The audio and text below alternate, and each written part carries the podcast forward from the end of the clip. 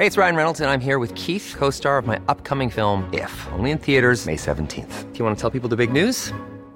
All right, I'll do it. Sign up now and you'll get unlimited for $15 a month in six months of Paramount Plus Essential Plan on us. Mintmobile.com slash switch. Upfront payment of $45 equivalent to $15 per month. Unlimited over 40 gigabytes per month. Face lower speeds. Videos at 480p. Active Mint customers by 531.24 get six months of Paramount Plus Essential Plan. Auto renews after six months. Offer ends May 31st, 2024. Separate Paramount Plus registration required. Terms and conditions apply if rated PG. When you're ready to pop the question, the last thing you want to do is second guess the ring. At Bluenile.com, you can design a one of a kind ring with the ease and convenience of shopping online. Choose your diamond and setting. When you find the one, you'll get it delivered right to your door. Go to Bluenile.com and use promo code LISTEN to get $50 off your purchase of $500 or more. That's code LISTEN at Bluenile.com for $50 off your purchase. Bluenile.com code LISTEN. There's never been a faster or easier way to start your weight loss journey than with PlushCare. PlushCare accepts most insurance plans and gives you online access to board-certified physicians who can prescribe FDA-approved weight loss medications like Wigovi and Zepbound for those who qualify. Take charge of your health and speak with a board-certified physician about a weight loss plan that's right for you. Get started today at plushcare.com slash weight loss. That's plushcare.com slash weight loss. plushcare.com slash weight loss.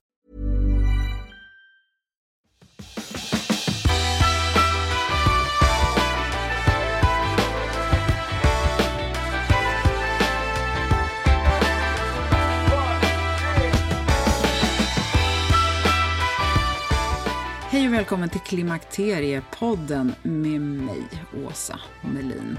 Avsnitt 203 och vi ska tala mer om klimakteriet. Behövs det? Kan man ju börja fråga sig. Finns det en risk att vi pratar om klimakteriet på ett sätt som skapar överdriven fokus och kanske snarare blir ett problem än att komma oss till godo? Hur ska man veta vad som är relaterat till klimakteriet, vad som triggas av vad? Det florerar otroligt mycket påståenden om hormoner och kvinnohälsa som kan få oss att känna oss både otrygga och oroliga. Och det är i det här som veckans gäst, barnmorskan Eva Emström, tar sin utgångspunkt. För hon drivs av en frustration över att kunskapen behöver bli bättre, både hos oss kvinnor och i vården. För hon säger så här, all kunskap finns, den måste bara ut. Eva har arbetat i 30 år med kvinnohälsa och hon har arbetat bland annat på Hörcare, hon har jobbat på Hedda Care, hon har jobbat på Mamma Mia och hon jobbar också med Womni.se, där hon arbetar med digital klimakterievård. Och hon har dessutom nu skrivit en bok som är en handbok för vården om klimakteriet. Så Eva har mycket att berätta. Välkommen att lyssna.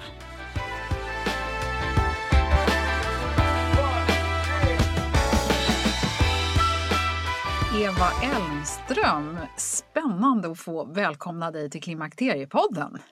Tack, och vad roligt att vara med här. Ja, men jag fattar inte hur det kan ha tagit så lång tid. För att finns det någon som kan det här med klimakteriet så är det ju du. Du är barnmorska i botten och eh, du jobbar på flera olika ställen och du jobbar mycket med fertilitetsförståelse, preventivmedel, könssjukdomar, gravida cellprover. Men också klimakterierådgivning. Du har jobbat både privat och du har jobbat eh, med sjukförsäkringspatienter och som arbetsgivarna skickar till dig. Och, eh, ja, du, har, du har verkligen varit på många olika aktörers fält, tänker jag. Så det är så spännande. Kan du inte berätta lite om dig själv och din erfarenhet? Jo, jag är ju då barnmorska och jag har 30 års erfarenhet av kvinnohälsa. Jag har jobbat med många olika specialiteter, både inom gynekologi och obstetrik, det vill säga förlossningsvård också. Eh, och barnmorskans arbete är ju generellt väldigt brett. Ehm, jag har träffat massa olika kvinnor i alla olika åldrar och man kan väl säga att jag är oerhört intresserad av kvinnohälsa, har alltid varit. Jag är utbildad akupunktör från Kina så att innan jag blev både sjuksköterska och barnmorska, så att det här är över 30 år sedan. Så redan då så, så satte jag akupunktur på kvinnor som kom för, för olika åkommor. Ja, spännande. Ja, det är jättespännande och den här resan då med, med klimakteriet, det började ju såklart självklart med min egen resa då i början här i perimenopausen. Jag förstod inte riktigt vad som skedde. Saker hände som, aldrig, som jag aldrig hade känt tidigare. Eh, och jag började leta information och jag hittade ingen bra information och då började jag också inse att ja, men kan inte jag förstå, hur ska jag då kunna förmedla trygghet till mina patienter? Och på den vägen är det. Jag började läsa på, jag började arbeta, jag började studera eh, och bytte arbete och känner väl idag att jag har en ganska så god grund att stå på när det gäller de här kvinnorna. Då.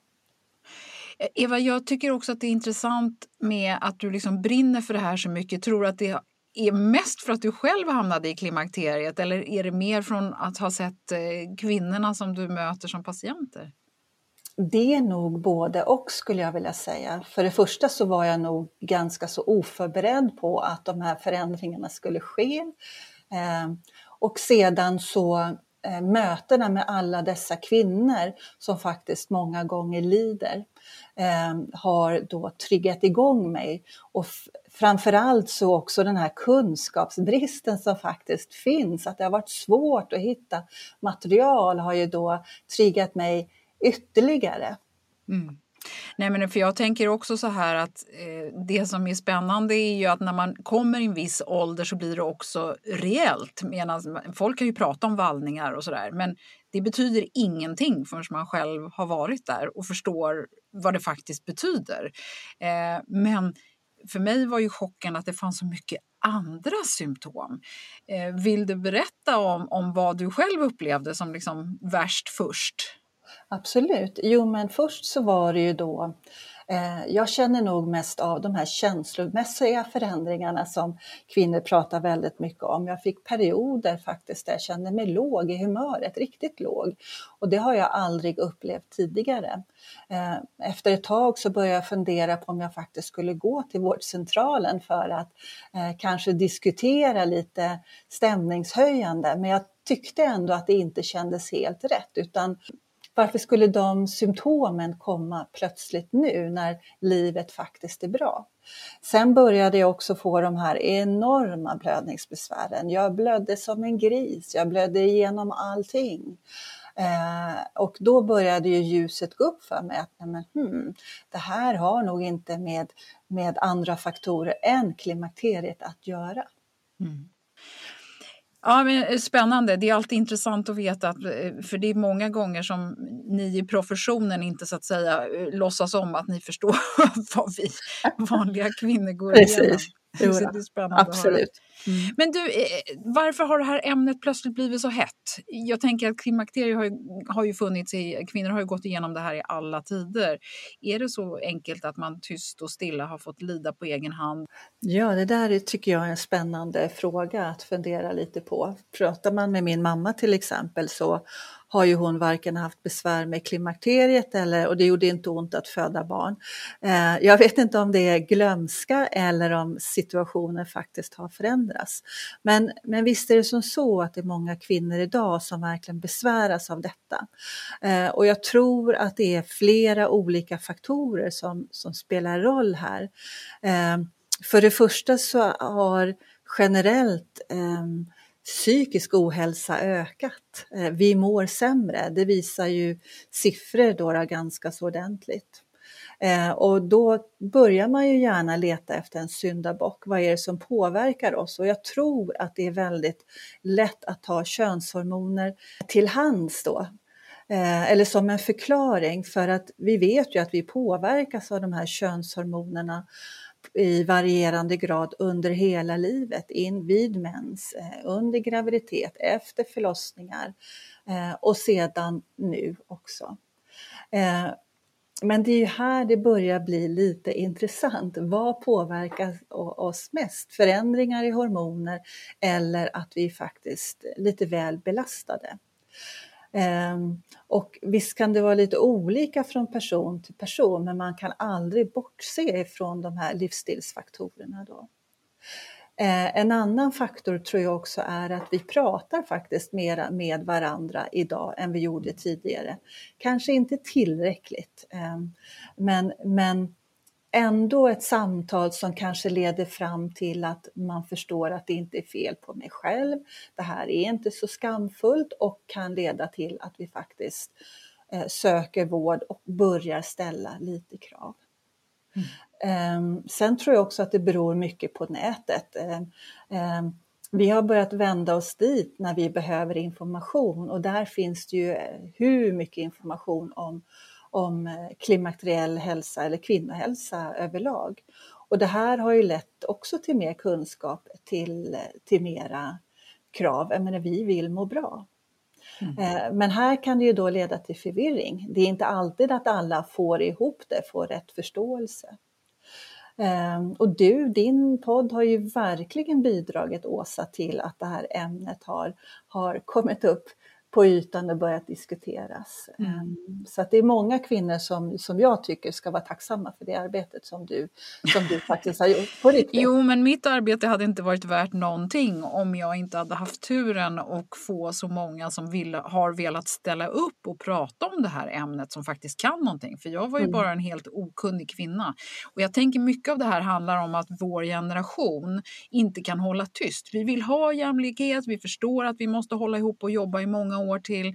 Eh, och vi var ju ett gäng som började göra oss hörda ungefär samtidigt för, för några år sedan. Så det var ju liksom vindarna blåste på något sätt. Det var ju inte bara jag, även om det till en början var många som ifrågasatte varför i hela friden jag ens skulle kalla det Klimakteriepodden. Kan du inte åtminstone kalla det för något så att inte så där, det där obehagliga ordet är med? och det var så här, ja men det är ju det är ju precis det jag vill prata om. Det är ju, sen så ska jag liksom ska gömma det en gång till. Det, det tycker inte jag, eh, det är inte värdigt för oss, tänker jag. Jag håller med. Du, Eh, det är ju väldigt avancerade processer i kroppen det här eh, som pågår och en av mina teorier eh, som jag faktiskt fick när jag läste eh, din, din bok som vi ska komma tillbaka till här. Avancerade processer och du pratar ju också lite grann om mens och hur det går genom livet. Så här. Jag tänker så här, mensen kommer ju tidigare nu. Jag har ingen statistik på det, men det har säkert du. Eh, men de flesta tjejer som jag har i min närhet har ju fått mens redan 10-11, medan i min generation, eller vår generation, så var det snarare 12-13 normalt. Och då tänker jag, kommer klimakteriet också tidigare och med svårare symptom? Eller förstår du vad jag menar? Mm, jag förstår.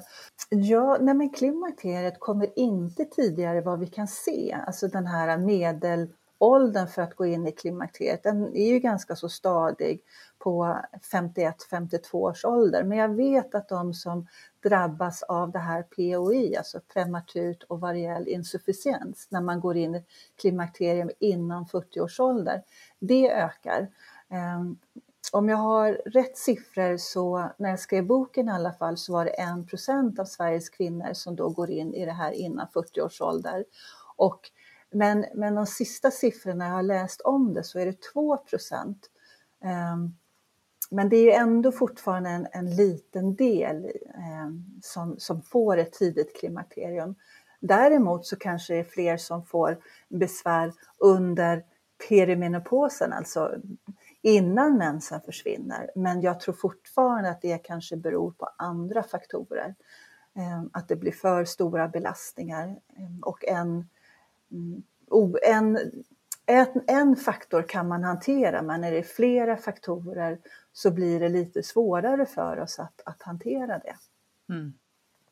Alla älskar ju tanken på att veta var man står i förhållande till klimakteriet eller i klimakteriet och är jag där? Jag vet inte om jag är där. Mm. Eh, och det är otroligt många, jag tycker det är härligt att det är många som är liksom nu i 40-årsåldern eller 40-45 som börjar säga ja men jag vill veta, jag undrar om inte jag börjar komma i klimakteriet, är jag för klimakteriet? Det har ju blivit väldigt populärt att, att prata om och, och ordet för klimakteriet i sig kan ju vara lite missvisande för allting mellan första mensen och sista mensen är ju före egentligen så att säga. Mm. Det har vi pratat om tidigare, bland annat med Hilde Löfqvist i podden.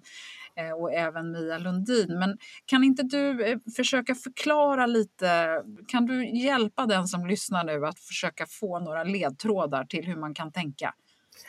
Eh, jag skulle vilja säga också att det inte bara kvin mogna kvinnor som kommer och undrar över var de är sin fertilitet, utan det är även yngre kvinnor som kommer till oss på preventivmedelsmottagningen som då vill eh, veta om de är fertila. Hur ska jag veta att, att jag kommer kunna få barn om några år? Jag är inte säker på det. Så att överlag har ju frågor om, om hur sina hormoner faktiskt fungerar ökat väldigt mycket skulle jag vilja säga. Men vad man kan säga är att det är väldigt svårt att avgöra när och var en kvinna kommer gå in i övergångsperioden eh, eller framförallt i klimakteriet. Omkring, det enda vi vet det är att omkring 51-52 års ålder då, då försvinner mensen. Det behöver ju inte betyda däremot att hormonerna är nere på noll utan du har fortfarande en egen Eh, Eh, du, du, producerar fortfarande en del hormoner från, från äggstocken. Det sjunker sakta men säkert. Eh, och visst är det många kvinnor som gärna vill veta vad de är där 40 plus.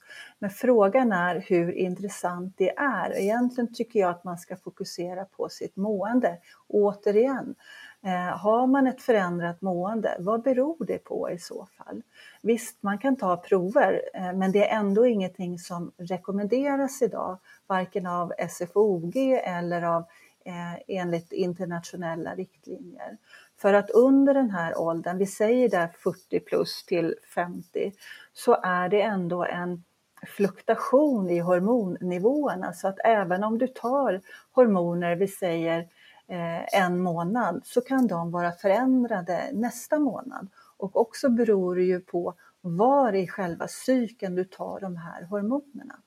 Ehm, sen ska man ju veta också när man börjar komma in då i klimakteriet, när symptomen eh, tar en till eh, form. De går till en ytterligare en nivå kan man säga. De, man mår lite sämre på, på olika plan.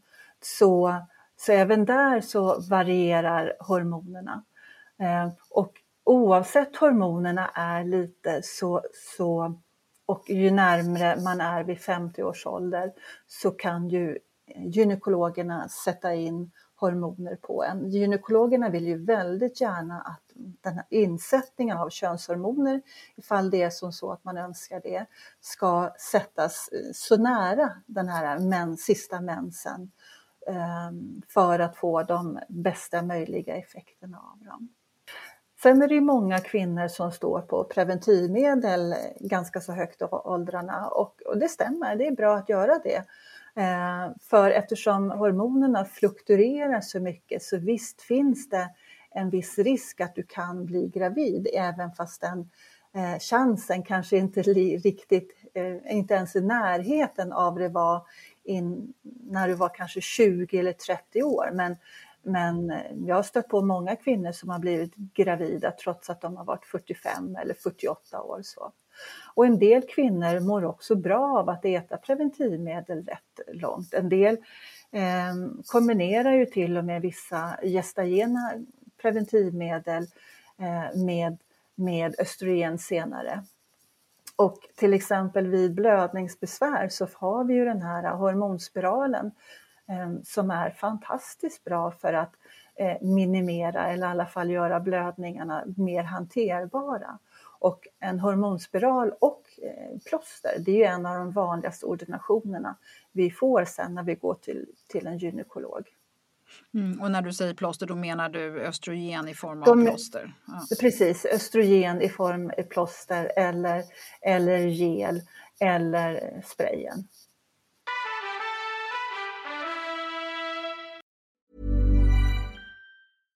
One size fits all seemed like a good idea for clothes. Nice dress. Uh, it's a t-shirt. Until you tried it on. Same goes for your healthcare. That's why United Healthcare offers a variety of flexible, budget friendly coverage for medical, vision, dental, and more. So, whether you're between jobs, coming off a parent's plan, or even missed open enrollment, you can find the plan that fits you best. Find out more about United Healthcare coverage at uh1.com. That's uh1.com. Ryan Reynolds here from Mint Mobile. With the price of just about everything going up during inflation, we thought we'd bring our prices down. So to help us, we brought in a reverse auctioneer, which is apparently a thing. Mint Mobile unlimited premium wireless. Ready to get 30, 30, bit to get 30, bit to get 20, 20, 20, bit to get 20, 20, bit to get 15, 15, 15, 15 just 15 bucks a month. So, Give it a try at mintmobile.com slash switch. $45 upfront for three months plus taxes and fees. Promo rate for new customers for limited time. Unlimited more than 40 gigabytes per month. Slows. Full terms at mintmobile.com. Hi, I'm Daniel, founder of Pretty Litter. Cats and cat owners deserve better than any old fashioned litter. That's why I teamed up with scientists and veterinarians to create Pretty Litter. Its innovative crystal formula has superior odor control and weighs up to 80% less than clay litter.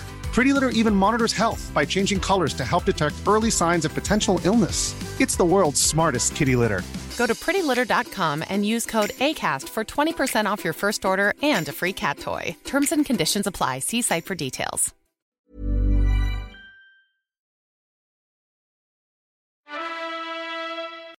Men du, jag tänker så här att eh, det är ju egentligen ingen... Du säger att det är symptomen man ska gå på, hur man mår. Det är huvudsaken.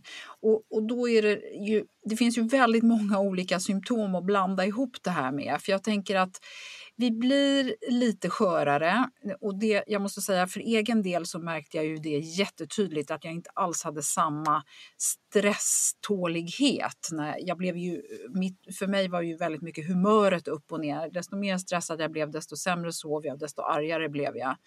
Eh, och det var ju också det är en väldigt obehaglig period i livet att känna att man liksom inte längre har kontroll över sig själv.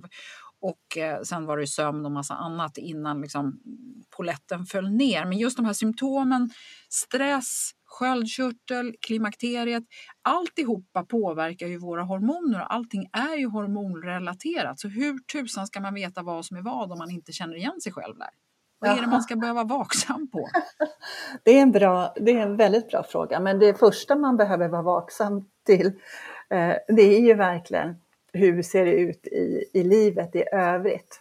Eh, ha ett rejält allvarligt samtal med sig själv. Eh, klarar jag av det här?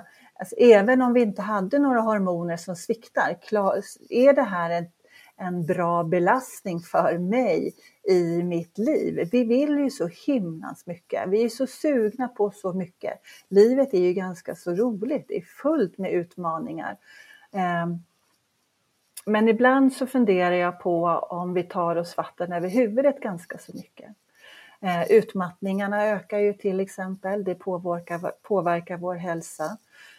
Eh, så svaret på din fråga där Åsa är inte så himla lätt att veta utan det enda som är det är att man får börja göra någon form av, av detektivarbete. Först då ha koll på sig själv men också kanske att gå till en gynekolog om man tror då att man är i, i någon form nära menopausen eller i klimakteriet då för att kontrollera hur ser min slemhinna ut? Har jag några ägg kvar? Det kan vara ett steg. Men eh, sen är kanske nästa steg då, då för, för många kvinnor som känner trötta och kanske viktuppgång. Det är också att gå och kolla de här sköldkörtelhormonerna och det gör man i samråd med, med vårdcentralen till exempel. Då. Vårdcentralen och allmänläkarna är ju ett nav i detta. Allmänläkarna är ju specialister på att differentiera. De kan ju differentiera, ta provtagning för sköldkörtelbesvär. De kan också utröna lite angående det här med, med stressrelaterad hälsa. Eh, de kan också följa upp om det är som så att det föreligger en egentlig depression. För att en del kvinnor kan ju gå in i en depression här också under klimakteriet som är oberoende dina hormoner.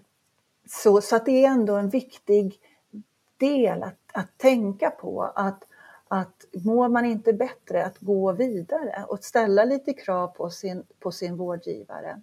Och även om många allmänläkare här, framförallt kanske i Stockholm, inte är så duktiga på just klimakteriet så kan de alltid det här andra istället. Mm. Men jag tycker ändå att det är, det är svårt att veta vem man går till först och hur man så att säga utrönar vad som är vad.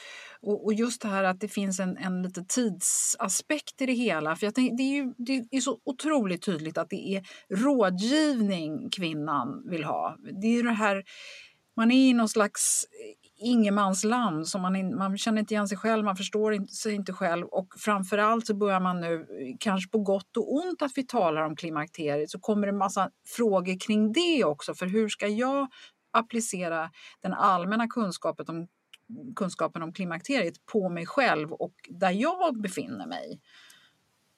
Mm.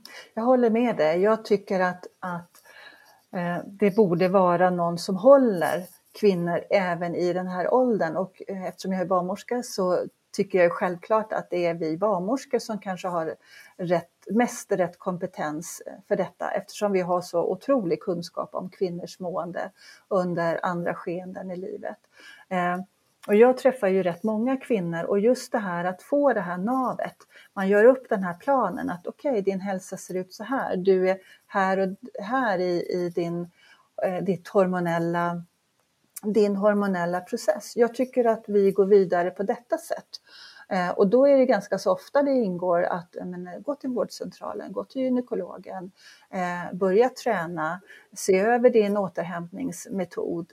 Så. Så att, och, och just den delen, eh, plus eh, information om vad som händer, eh, det är väldigt avgörande för att om en kvinna ska kunna känna sig trygg och också acceptera de här förändringarna lite bättre. Eh, kvinnor är oerhört tacksamma för information och bara lite vägledning. Så att med en sån liten stöd så kommer man eh, oerhört långt med både med att påverka kvinnors mående till det bättre plus att kvinnorna känner sig betydligt mer trygga och sedda. Men hur kommer man till en barnmorska då? Blir man inte ifrågasatt om man ringer och säger att man är 50 år eller 48 år eller 53 år och säger att eh, jag vill boka tid hos en barnmorska? Jo, barnmorska tycker jag själv kanske inte är rätt namn för, för oss. Vi jobbar ju med så mycket annat än bara på förlossning och BB eh, och även under graviditet. Vi jobbar ju med hela kvinnan. Men idag så håller vi på att eh, öka på kunskapen. Ehm, framförallt kanske att kvinnor ska komma till rätt rådgivare. Ehm, och det spelar egentligen ingen roll om den är en barnmorska eller en distriktssköterska, bara att vi har rätt kompetens, att vi har samma grundläggande kunskap och att vi har erfarenhet av att träffa kvinnor i, i eh, menopausal ålder. Ehm, men idag i Stockholm så, så, så kan du få lite rådgivning hos en barnmorska. Det är inte mycket, för det är ett otroligt snäva, snäva riktlinjer och snäva procent som vi har att gå efter. Bor du däremot i Skåne så har du ett fantastiskt bra omhändertagande av barnmorskor på en barnmorskemottagning. Där får du alltså en genomgång eh, hos en barnmorska Ehm, 45 till 60 minuter ehm, uppföljande samtal. Du kan till och med få akupunktur hos en barnmorska i, i Skåne. Så de har ett hel, helt andra riktlinjer som de går efter. Eh, övriga län eller regioner har jag inte någon direkt kunskap om faktiskt. Men... Nej, men det känns ju som att det varierar väldigt. Jag tänker också på Socialstyrelsens eh, eh, rapport där man har gjort en genomgång. Nu har man ju då, valde man fem olika eh, regioner och det varierar ju otroligt mycket och där var det också så väldigt spännande tycker jag att man också kom fram till att olika typer av vård var det kvinnan ville ha. Och då tänker jag att det är lite självgenererande. Om min väninna går och får hjälp med sin sexuella hälsa då blir det, eh, och berättar det för någon, då vill ju jag också ha det. Eh, och så kanske jag blir lite nöjdare. Eller om jag får hjälp av en psykolog med KBT, då blir jag supernöjd med det och då vill någon annan ha det. Och sen så är det en tredje region där man jobbar jättehårt med att försöka få så många som möjligt att ta hormonbehandling och då blir de kvinnorna kvinnorna också nöjda. Så jag tänker så här, det är inte så svårt att göra en kvinna nöjd, bara hon förstår vad hon ska vända sig och får lite uppmärksamhet i alla fall. Mm, jag håller med dig till fullo, Åsa. Ehm, det behövs verkligen ett ställe där kvinnor kan vända sig till. För att vi vet ju också att gynekologer och allmänläkare har ehm, ont om tid. Det, det, måste jag säga att vi, även vi barnmorskor har. Men vi har ändå mer tid att, att ge. Ehm, och kanske också möjlighet att ta tillbaka kvinnorna på återbesök. Mm. Så jag tror att vi är en, ett bra steg på vägen. Och så här jobbar ju barnmorskor hela tiden, vid, till exempel under en graviditet eh, eller vid preventivmedelsrådgivning. Vi tar ju upp en anamnes helt och hållet, både vårdanamnes och sexuell anamnes, kvinnans vårdhistorik. Då, då. Vi pratar om psy eh, eh, psykisk hälsa också. Vi pratar om livsstilsvanor, vi pratar om eh, återhämtning. Vi pratar om det mesta och vi är väldigt vana vid att arbeta tvärprofessionellt eh, när det är någonting vi behöver och då är det inte bara till en läkare utan det kan vara till en dietist, det kan vara till en sjukgymnast, det kan vara en remiss till en psykolog eller en terapeut. Där. Så då skulle ett tips kunna vara då att söka sig till en barnmorska och eh, få en första hjälp. Och jag tänker också i samband med cellprovtagning så skulle det kunna vara ett bra tillfälle att eh, boka en ny tid så att säga. Och sen så kan då barnmorskan sen leda en vidare men framförallt ge en lite av den här grund Eh, informationen. Vi har sagt det tidigare vid något tillfälle att man kan använda ursäkten preventivmedelsrådgivning i de regioner som inte erbjuder klimakterierådgivning. Mm. Ja, eh, det får vara upp till den regionen. det var jag som sa. Du, nej, jag är ju bara en vanlig liten kvinna. Jag anser mig ju ändå ha rätt till kunskap och både eh, den här uppdaterade och relevanta bemötandet i, i vården för rätt sak. Hur tänker du där? Jo, ehm, jag har ju då insett att jag drivs av frustration. När, det vill säga när ett behov inte riktigt till, inte är tillgodosett. Eh, då går jag igång och i det här fallet då, då, så är det ju verkligen dålig kunskap från början. Rent allmänt, både hos kvinnor och hos vårdgivare. Eh, gynekologer som inte har varit intresserade, kanske inte allmänläkare heller. Ehm, sedan då hel privat vård som då endast de med tjocka plånböcker kan ha råd med. Jag går igång också på information som kan vara rent felaktig och som ibland har syfte att göra kvinnor mer otrygga så att de söker vård och då gärna till den som har lagt ut det här påståendet. Eh, jag går igång också på att det ser olika ut mellan de olika regionerna. Att kvinnor inte får den vård eh, de borde ha rätt till. Framförallt då vi vet att den här vården skulle kunna leda fram till så otroligt mycket tryggare och välmående eh, kvinnor. Mm. Så det är det här som har, det är det här som ger mig bränsle. Mm. Eva, du är ju aktuell nu med en handbok skriven för dina kollegor.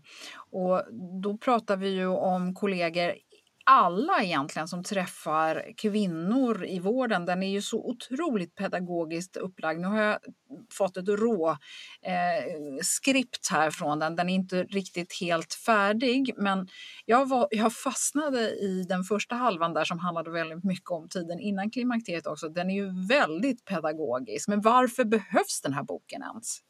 Ja, varför behövs den? Och vad roligt att du gillar den, att du uppskattar den. Och den är ju helt vetenskapligt skriven. Så visst skulle den kunna användas, eh, eh, framförallt kanske som lite grundlitteratur. Men en gynekolog jag säger, en väldigt duktig sådan, hon säger det att all kunskap finns nu. Den måste bara ut till andra vårdgivare. Eh, det har ju inte funnits någon direkt vidareutbildning för oss, eh, varken barnmorskor, distriktssköterskor, sjukgymnaster inom detta ämne. Ehm, och inom barnmorskeutbildningen så är det bara kanske en timme eller två kring detta ämne. Ehm, som i tidigare, i tidigare avsnitt så har vi ju hört då att det är tre veckor på grundutbildningen då, utan det är först när man går in på sin SD-utbildning som man kan få lite mer information då. Så att eh, grundläggande kunskap kan man väl verkligen säga, den är väldigt dålig, såvida man inte vill sjunka ner i de här tunga litteraturen och läsa mängder av artiklar för att få en uppfattning. Ehm, och den tiden kanske vi inte har riktigt. Så mitt syfte med den här boken det är att den ska vara ganska så eh, lättläst, men den ska ändå vara fördjupad eh, om man jämför med de böcker som idag existerar för, för vanliga kvinnor. Eh, det ska också ge en, en förståelse, lite, en bredare förståelse för olika mängd faktorer som både eh, påverkar kvinnan men också den mängden, mängden symptom som, som uppstår. Eh, nu tack och lov så kommer ju ändå en utbildning till. Eh, under våren så kommer det finnas en klimakterieutbildning på Lunds universitet som drivs av Pernilla Ny eh, som tidigare hade den på Kristianstad högskola. Och jag tog den själv 2019 och det ger, ger ändå en bra grund. Eh, den, den utbildningen öppnade mina ögon för det här med eh, vetenskap. Trots att jag är barnmorska har jag inte riktigt gillat det där, du vet, att läsa artiklar och skriva alla dessa eh, forskningsarbeten och så. Men, men jag inser ju nu att det är mest för att jag inte varit intresserad av de ämnen som jag har läst om. Eh, idag har jag läst, jag vet inte, jag har badat i artiklar och jag älskar att läsa artiklar. Jag kan sitta på en lördagkväll och njuta av att läsa artiklar. Så jag är ju lite väl nördig kanske.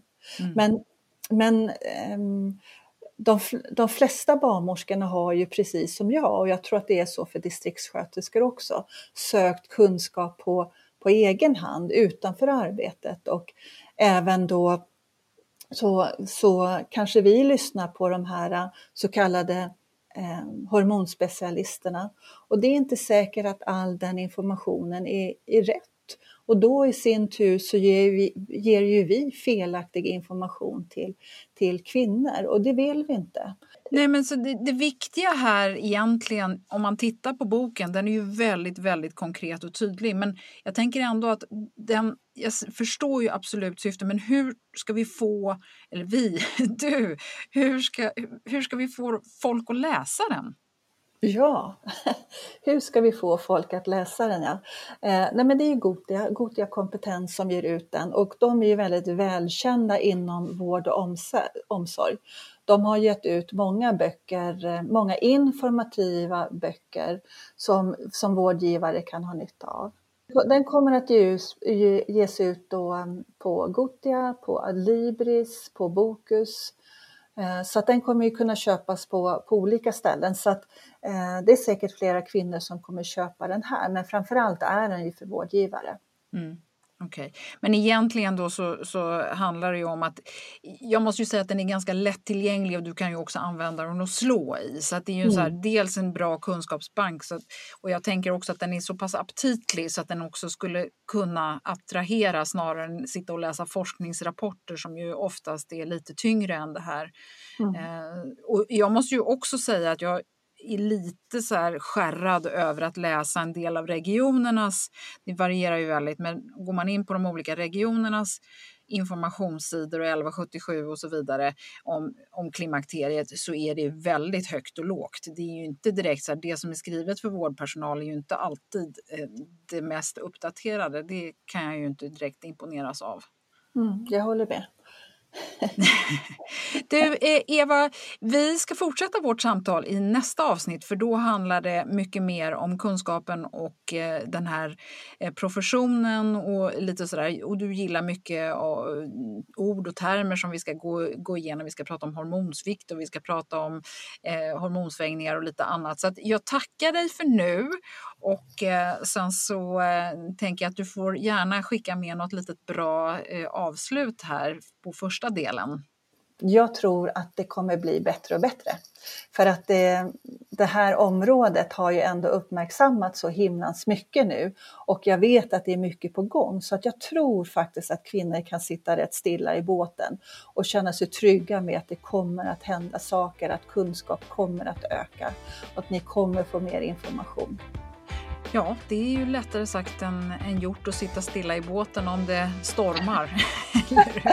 ja, precis. Exakt, ja. det är ju det. Mm. Nej, men, eh, tusen tack Eva. Eh, vi, vi fortsätter i nästa avsnitt och som vanligt så lägger jag upp några intressanta eh, länkar. Mm. Tack Åsa, vad trevligt. Vi ses snart igen. Ja,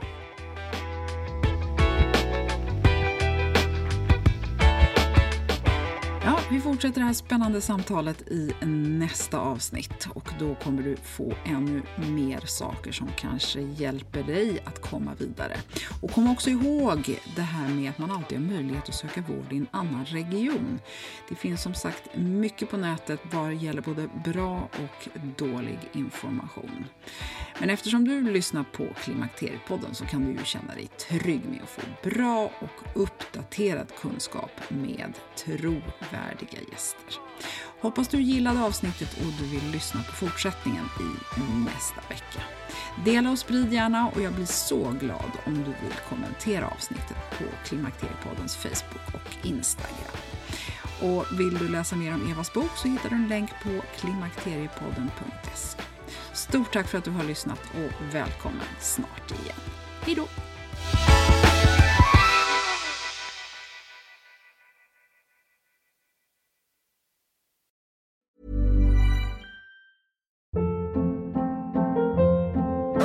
Hold up. What was that? Boring. No flavor. That was as bad as those leftovers you ate all week. Kiki Palmer here, and it's time to say hello to something fresh and guilt-free. Hello Fresh. Jazz up dinner with pecan-crusted chicken or garlic butter shrimp scampi. Now that's music to my mouth. Hello Fresh. Let's get this dinner party started. Discover all the delicious possibilities at hellofresh.com.